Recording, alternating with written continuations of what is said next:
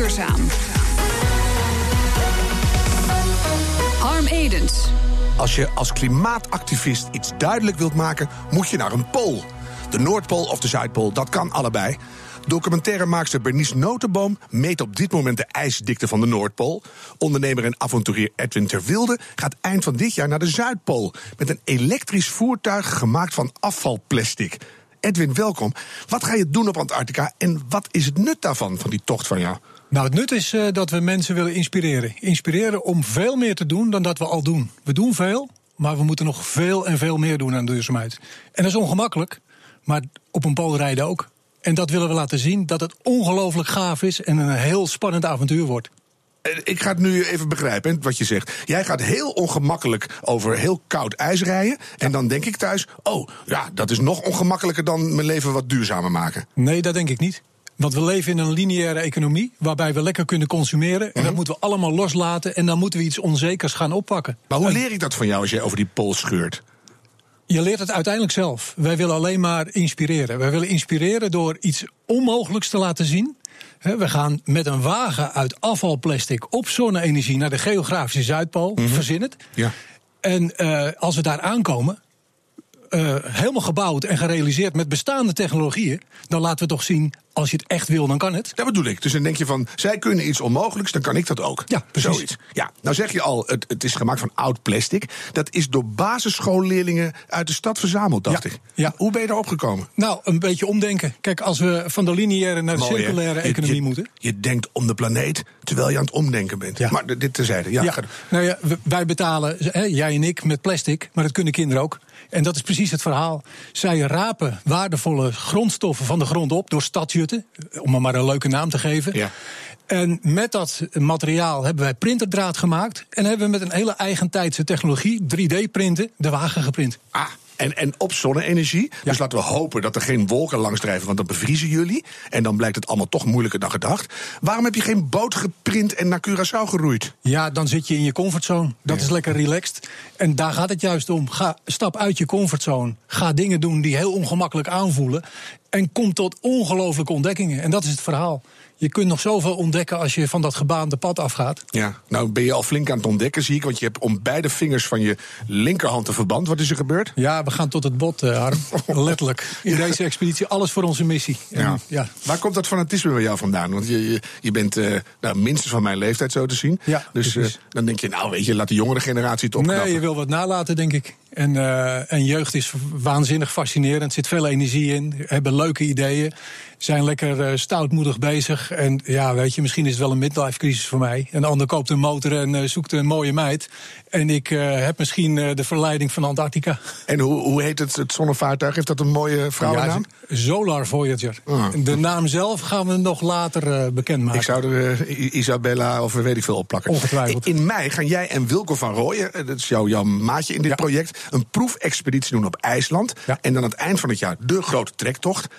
Wat gaan wij daar nu als eenvoudige consument in de lage landen concreet aan hebben? Ga je ook onderweg uh, inspiratietips geven? Van jongens, je kan dit doen, je kan dat doen? Ja, ja, het moet een grote community worden. En het gaat, wij willen inspireren, maar het gaat niet alleen om onze expeditie.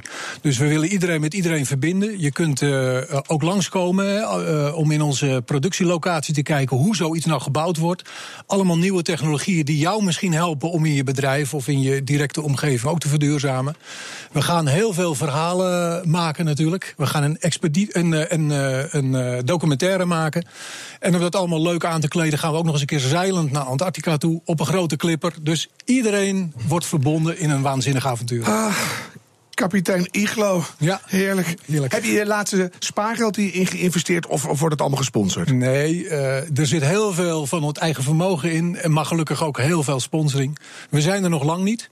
Het gaat door. We hebben de vergunningen binnen. We zijn zover dat deze reis ook echt gemaakt gaat worden. Maar uh, ja, we moeten nog veel meer in het zicht van Nederland komen en van de wereld komen. Dus we hebben de media nodig, we hebben de community nodig.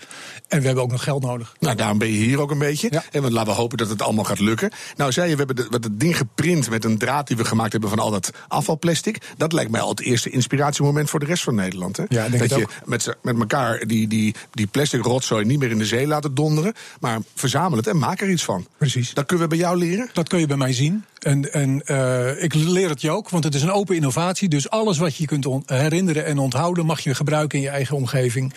En uh, als je wil, dan helpen we je nog mee ook. Kijk, en hoe bereik ik jou? Via onze site www.cleantoantarctica.nl. Mooi, Clean to Antarctica. Dank Edwin Velde. Goed smeren, want het is hartstikke zonnig daar. BNR Nieuwsradio. Duurzaam. We zijn onderweg naar een cyclische economie. Om daar aan te komen moeten we alle grondstofketens sluiten. Hoe halen we alle afvalstromen die er zijn, daar, hoe halen we daar de waardevolle grondstoffen uit? Het verlossende woord is de membraan. En daar hoort een hoogleraar membraantechnologie bij van de Technische Universiteit Eindhoven, Kitty Nijmeijer. Kitty, goedenavond, goedemiddag. Goedemiddag. ik zat al helemaal met mijn hoofd in die, in die plastic solar schuit. Hoe, hoe werkt een membraan? Wat voor soorten heb je daarvan? Een membraan is eigenlijk een filter.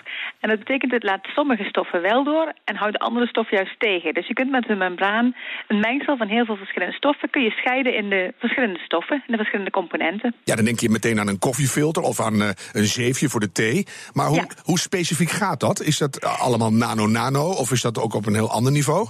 Ja, nee, het is in dat opzicht wel nano-nano. Dus de, het koffiefilter en het zeefje, dat zijn uh, macroscopische, macroscopische membranen, zou je kunnen zeggen, als je ze zo wilt noemen. Dat zijn uh heel, heel grofstoffelijke membranen in die zin. Uh -huh. uh, en wat wij doen is echt op, op moleculair niveau, of dus nanoschaal scheiden. Dus moleculen van elkaar scheiden. Aha, en dat is ook meteen het verschil tussen de oude manier van filteren en deze nieuwe. Ja, wat, we, wat wij doen eigenlijk is wij. Er zijn heel veel bestaande toepassingen van membranen. Ze worden bijvoorbeeld gebruikt voor de bereiding van drinkwater. In de voedingsindustrie worden ze veel gebruikt, bijvoorbeeld voor het filteren van bier en wijn. Uh, in de medische sector, bijvoorbeeld nierdialyse. Je nieren in je lichaam zijn eigenlijk ook membranen. Mm -hmm. Maar wat wij doen, en daarmee kom ik ook bij de circulaire economie, hè, kunnen we stoffen allemaal hergebruiken. Er komen steeds meer nieuwe toepassingen, duurzame toepassingen van membranen. En wij proberen de membranen precies die eigenschappen te geven. Dus precies ja, die scheidende eigenschappen die nodig zijn voor die nieuwe toepassingen. En wat bedoel je daar precies mee? Dat, stel, ik gooi nu al het rioolwater door, doorheen, dat je dan een bepaald membraan erin kan hangen en dat één soort stofje er dan uitgefilterd wordt. Ja, precies. Of één stofje, maar dat je eigenlijk kunt zeggen... oké, okay, ik heb um, rioolwater of ik heb afvalwater van mm een bepaald in het industrieel proces. Daar zitten heel veel verschillende stoffen in. En er zit natuurlijk ook gewoon water in. Nu zijn dat nog uh, waardeloze stoffen. En wij proberen daar met membranen waardevolle uh, stromen van te maken. Dus nu worden ze gewoon afgevoerd als, als ja, rioolwater of als afvalwater. En wij ontwikkelen membranen die de waardevolle stoffen die in dat afvalwater zitten of in dat rioolwater zitten eruit halen. Dat zijn bijvoorbeeld stoffen die je, uh, waar je kunstmest van maakt bijvoorbeeld. De fosfaten? En, de fosfaat, precies. We hebben hoge opgeleide luisteraars, je kunt het gewoon allemaal noemen. Wat, wat nog meer bijvoorbeeld? Ja. Nou, fosfaat, kalium en uh, stikstofverbindingen, die zijn dus nodig voor kunststoffen. Mm -hmm. Je kunt ook denken aan, uh, stik, aan uh, suikers bijvoorbeeld, of eiwitten die eruit gehaald worden, dat, waar je nog weer iets mee zou kunnen doen. En daarnaast proberen we natuurlijk ook dan de technologie te ontwikkelen dat we het water ook meteen zodanig schoonmaken dat we het ook weer opnieuw zouden kunnen gaan gebruiken. Ja, dat is geweldig. Dan is het inderdaad helemaal gesloten, die, die drinkwaterketen, om het maar zo te noemen. Of die ja. rioolwaterketen. Zijn er ook ja. nog hele andere ketens, bijvoorbeeld in de grote industrie waar we normaal gesproken nooit aan denken? Je hebt in de, in de chemische industrie en in de petrochemische industrie heb je ook heel veel gasvormige stromen natuurlijk. En er zijn veel processen waar bijvoorbeeld ook CO2 bij ontstaat. Nou, noem maar de, de productie van elektriciteit bijvoorbeeld. Dat is natuurlijk een heel groot voorbeeld. Ja. Dat CO2 gaat nu natuurlijk gewoon de lucht in. En we werken natuurlijk ook aan een membraantechnologie om die CO2 af te vangen. Ja, dan hebben we het over Carbon Capture and Storage, CCS, ja. waar, waar iedereen de mond vol van heeft. Hè? Ja. Uh, hoe, hoe staat het daarmee? Schiet het al op? In principe, technologisch gezien, is het mogelijk. Alleen op dit moment is het zo dat voor elke uh, drie elektriciteitscentrales moet je één extra elektriciteitscentrale erbij bouwen om ook uh, volledig alle CO2 te kunnen afvangen wat betreft uh, energiebehoeften. Omdat het zo dus moeilijk is, bedoel je? Het is heel. ja, mm. ja. Het kost, het kost heel veel energie. Uh, en dus is de vraag, kunnen we het energiezuiniger doen? Zodanig dat we minder extra energie gebruiken om CO2 af te vangen. Ja, nou heb je ook een laboratorium geopend. Ga je dat soort dingen ja. daar ook specifiek onderzoeken? Ja, dat gaan we daar ook zeker onderzoeken. Daar werken we ook aan. We werken aan de ontwikkeling van nieuwe membranen voor de toepassingen die we net noemden. Um, dus we proberen ze dan de eigenschappen te geven dat ze bijvoorbeeld alleen maar CO2 doorlaten of alleen maar water doorlaten. En uh, we gaan dus ook kijken van, nou ja, hoe functioneren ze nou in het echt? Hè? We maken ze niet alleen, maar we willen natuurlijk ook wel weten, doen ze wat ze moeten doen? Uh, en hoe zuiver is het product en hoeveel krijgen we uiteindelijk van het gewenste product? Ja, En dat doen we ook graag samen met de industrie natuurlijk, juist omdat we zo dicht bij de toepassing zitten. Ja, nou wil ik toch stiekem weten hoe ver jullie zijn met die CCS. Want als je zegt na, naast drie centrales moet een vierde voor de energieopwekking voor die CCS, dat is nog zo inefficiënt, daar schieten we niks mee op. Dus is er al een beetje licht aan het eind van de horizon? Uh, ja, er is zeker licht aan het einde van de horizon. Maar goed, de technologieontwikkeling is natuurlijk één deel. Er zit ook, je moet ook op een gegeven moment een investeerder hebben die erin gelooft. En die zegt, ik ga een grootschalige installatie neerzetten. Uh, dus het is in die zin niet alleen de technologieontwikkeling die daarbij een rol speelt. Uh, dus dat, dat is wel een, een... Ja, iedereen moet het willen ook echt. En het ingewikkelde is ook, um, als je bedenkt... we gebruiken op dit moment gebruiken we vijf aardes... zoals we leven hier in het Westen. Ja. En we hebben natuurlijk maar één aarde tot onze beschikking. En toch is er kennelijk nog niet voldoende urgentie om dat soort processen helemaal, ja, echt om, om dat soort processen te ontwikkelen. En ook echt ja, zo verder mee te gaan dat we dat ook echt gaan implementeren. Maar ik denk dat je je laboratorium net op tijd geopend hebt hoor. Want ik voel aan alle kanten dat het verandert. Dus uh, CCS heeft echt een toekomst wat mij betreft. Ja, nou ja, en de volgende stap is natuurlijk... CCS heeft wat mij betreft niet de toekomst, oh. want dan praat je over storage. Mm uh, en de volgende stap is natuurlijk, en daar kijken wij ook wel naar... kunnen we dat CO2 niet ook gaan zien als een grondstof? Ja, ik, ik zeg het zelf. Ik denk stom, stom, stom. het, moet een, het moet een keten worden. We gaan helemaal niks meer storen. We gaan het hergebruiken. precies. Ik, ik ben blij dat je zo goed oplet. Ik wens je heel veel succes. Dank Kitty Nijmeijer van de Universiteit, de Technische zelfs, van Eindhoven. Zometeen vijf manieren om van je plakkerige flexplek een inspiratie oplaadpunt te maken. BNR Nieuwsradio. BNR Duurzaam. Het kantoorgebouw. Dagelijks gaan we er met goede moed naartoe om er acht uur later tamelijk bek af weer uit te komen. Dat kan toch beter, dachten de heren van De Nieuwe Draai, platform voor energieopwekkende gebouwen. En dus zijn ze hier met. De energieopwekkers van de maand. Xander Meijer en Joop de Boer, welkom. Joop, mag ik bij jou beginnen? Ja hoor. Sinds afgelopen maand staat het meest duurzame gebouw van de hele wereld in Limburg. Ja, ja. Daar heb uitleg nodig. In Halen uh, zelfs. Ja. Um, ja, dat is een, uh, een, een kantoorgebouw van uh, een producent van drogers en koelers. Gelen Counterflow heet dat bedrijf. En die hebben een kantoor staan in Limburg inderdaad. En er is een internationale um, ja, certificeringsorganisatie um, voor gebouwen. Dat, dat model heet BREEAM. En die, ja, die kijken bij allemaal gebouwen in de hele wereld. He, meer dan uh, 500.000 hebben ze op die manier al bekeken. Echt heel veel. Uh, naar, allerlei aspecten van duurzaamheid. Dus um, zowel energie als um, ook allerlei aspecten van hoe prettig is het om er te werken. Wat doet met um, vervuiling? wat doet met het landgebruik? Allerlei dingen. Nou, en daar is dus een score uitgekomen voor, een, uh, voor dit Nederlandse kantoor. Die heeft een 99,94% gehaald. Dus dat bijna ik zie, Bijna. Ik zie toch ruimte voor groei, gek ja, kan, kan, beter, kan beter. Ja. Maar wat hebben zij nou specifiek gedaan, behalve zonnepanelen op het dak en goede gerecyclede vloer en gezellige dingetjes aan de muur? Hebben ze nog één ding waarvan je zegt, nou, dat is nou echt supergoed? Nou, wat opvalt is dat je dus eigenlijk, om dat te halen, volgens mij moet je heel veel doen. Want dan, Alles eigenlijk. In totaal heb je dan heel veel um, goede scoren. Maar mm. ze hebben bijvoorbeeld inderdaad met zonnepanelen wekken ze 50% meer op dan dat ze zelf nodig hebben. Nou, daar kunnen de buren dan heftrucks van laten rijden. Um, ze hebben ook, um, ze werken met hout. Dus een houten gebouw met hout uit het Schwarzwald. Nou, dat is natuurlijk om de oh, hoek als je van Limburg denkt. Xander, jij bent een echte kletskous. Gelukkig voor jou is er nu een gebouw waar anderen geen last meer van jou hebben, toch? Dat klopt. Dit is het hoofdkantoor van Plantonix in Hoofddorp. En behalve dat dat inderdaad ook helemaal duurzaam is en credo to credo. Wat hieruit springt is dat ze vooral goed omgaan met geluid. Geluid is een overlast. Werknemers hebben er last van. 40% zegt dat hun productiviteit daar naar beneden gaat. Vooral dat geklets van je mede-kantoorgenoten. Ik zie nu de redactie naar mij kijken. Dat is een punt van herkenning. Ja. ja en wat ze dan doen, behalve dus dat ze met uh, dempende muren werken en plafonds. En dat vond ik eigenlijk het leukste. Hebben ze, op elke verdieping hebben ze een waterval staan. Want het is inmiddels bewezen dat natuurlijk rustiek geluid, dat dempt het best geluidsoverlast. Maar dan staat de, de, de productiviteit van het bedrijf onder druk, want iedereen moet permanent naar de wc. dat wordt nog onderzocht, begrijp ik. Goed, geluidsoverlast is belangrijk. Joop, op drie, een systeem waarmee je kantoren kunt verwarmen met buitenlucht. Ja, uh, heel mooi systeem eigenlijk. Het zijn um, een soort um, aluminium profielen van het bedrijf Optisolar PVT. Het heet de thermodule.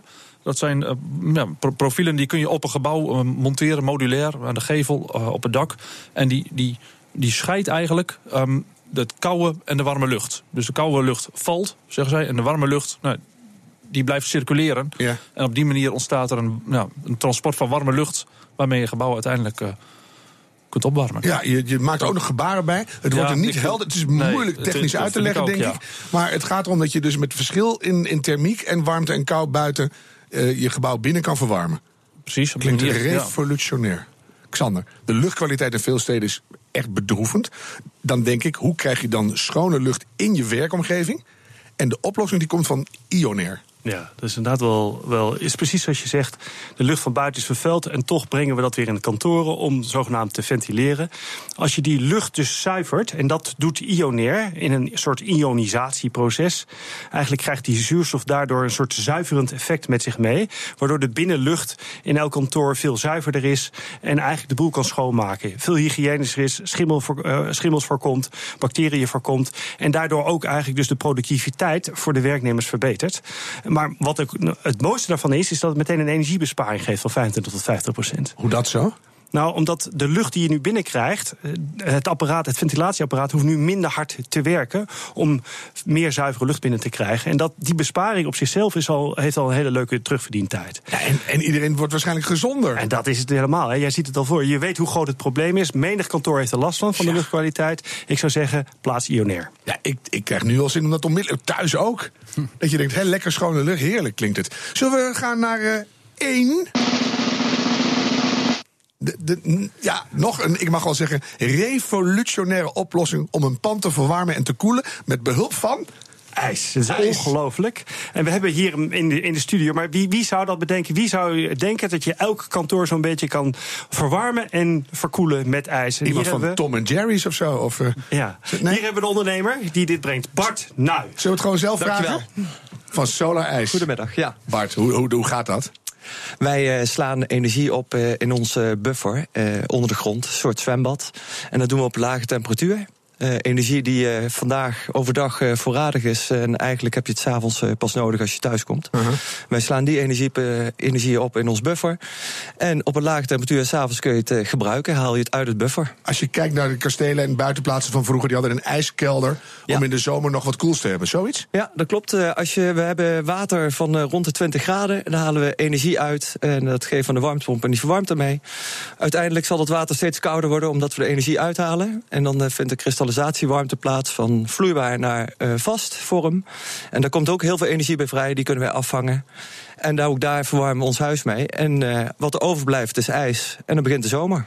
Ja, maar nou klinkt het toch een beetje te mooi om waar te zijn. Hè? Want dit is bijna een perpetuum mobile. Het gaat eindeloos door, er hoeft geen Eindeloos. energie bij. Daar is natuurlijk nooit waar je neus groeit. En want Nee. een koelkast heeft ook energie nodig. Hoe werkt het bij jullie? Nou, het, eh, het, eh, het werkt natuurlijk gewoon wel met een warmtepomp. En de warmtepomp wordt aangedreven door elektriciteit. Eh, maar ons systeem, het blijft maar doorgaan. En hoeveel bespaar je dan met jullie manier? We hebben terugverdientijden tussen de 4 en 12 jaar ten opzichte van eh, ouderwetse systemen. Maar dat was van wat kost het? Maar hoeveel bespaar je ermee? Want die pomp die kost stroom en andere dingen kosten stroom. Afgelopen maandag waren we bij eh, de VARA op tv. En daar hebben we een, een stukje documentaire hebben gemaakt over een school. En de school die bespaarde er 25.000 euro per jaar mee aan gaskosten alleen. Ja, en, en, en qua de CO2-levels heel veel besparing. Bijna energie, ja, neutraal. Ja. Is het overal toepasbaar? ja, van woning tot eh, ziekenhuis, tot school, tot kantoor, tot you name it. Dan moet ik dus een ijskelder in mijn, in mijn kelder doen. Ja, ik zou er eentje nemen, ja. Ik heb ontzettend veel kelders. Is het Ja. duur? Ehm, ja, wat is duur? Een auto is duurder als je het zo gaat bekijken. Ja. Ehm, het levert veel op. Wauw. En wanneer zijn de prototypes voorhanden om te gaan testen? Die... Nou, wij bestaan al tien jaar en eh, we ben zijn nu echt tijd eh, ook, hè? de markt zitten. Ja. Ja. Goh, hoeveel heb je er al verkocht? Wij hebben in Nederland 20 systemen draaien en wereldwijd 600. Ja, willen we toch uiteindelijk gewoon voor een gemiddeld woonhuis met een fatsoenlijke kelder. Wat kost het? Eh, tussen de 20 en 25.000 euro. En dan ben je van het gas af en van alles ja, af. Ben je ook van het gas af, ja. Jeetje. En Nou, je ik kunt koelen. En je kan koelen. ik denk dat heel veel luisteraars nu echt gaan uitrekenen van... eh, zou dit voor mij zijn? Ik, eh, ik word heel blij van. Joop ook, Alexander? Ja, hartstikke Absoluut. leuk. Absoluut. Dus ik vind het leuk als eh, de, de challenge in Utrecht, daar is een voor een kantoren-challenge, dat die dit meeneemt, dit solarijsproduct. Ja. Lijkt En, een verstandige keuze ook, ja. ja, en dan doen we Ionair, want dan krijg je niet van al die, van die nattigheid ook nog schimmel in je huis. Dus dan, als je dat samen doet, dan zijn we eruit. Iedereen weer blij. Zullen we daarop doorgaan? Dank jullie wel. Xander en Joop van de Nieuwe Draai. En gefeliciteerd Bart Nij van Solar IJs. Dankjewel. BNR Nieuwsradio. Nieuwsradio. BNR Duurzaam. Rest mij nog één. Laatste vraag. En die komt deze week uit een ver buitenland. Ze laten methaan scheten en veroorzaken een enorme fosfaatberg. En daarom willen we in Nederland zo snel mogelijk af van een deel van onze favoriete weidedieren. Dat plaatst toeleveranciers voor de zuivelindustrie natuurlijk wel voor uitdagingen. Reden genoeg om eens over de grens te kijken. Juist, naar India bijvoorbeeld.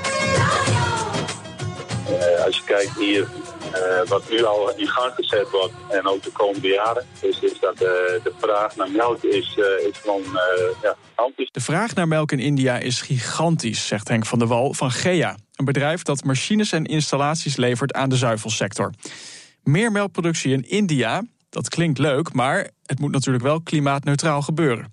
Rick Ewig van de Hogeschool van Hal Larenstein. Ja, dat doen wij dan uh, in onderzoek uh, Climate Smart Farming. Ja, je hoort het goed. Climate Smart Farming. Het bestaat en de Nederlandse bedrijven exporteren het nu naar het land van de heilige koe. Het gaat er allemaal om de melkopbrengst per koe te verhogen. Dat is natuurlijk veel milieuvriendelijker dan, dan uh, de veestapel uitbreiden. Een van de eerste maatregelen die nodig zijn is het verbeteren van het veevoer. De hoeveelheid productie van de koe die is direct afhankelijk van de samenstelling van het veevoer dat ze krijgen.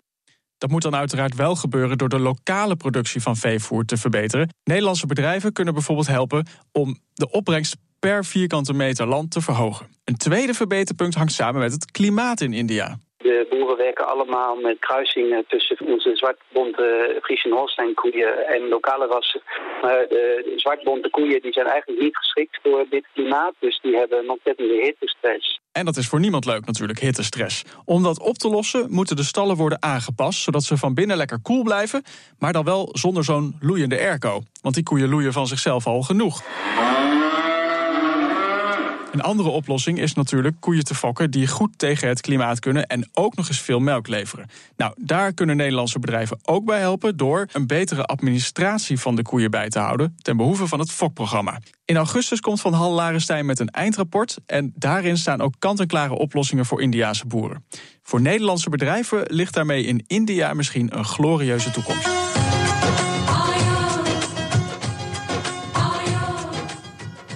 Je hoort een bijdrage van redacteur Daan Marcelis. U kunt deze uitzending terugluisteren via bnr.nl, de BNR-app of stream ons via iTunes of Spotify. Zometeen is Petra Grijze hier met BNR Spitsuur. Ik zeg, hou hoop en doe het duurzaam. Tot volgende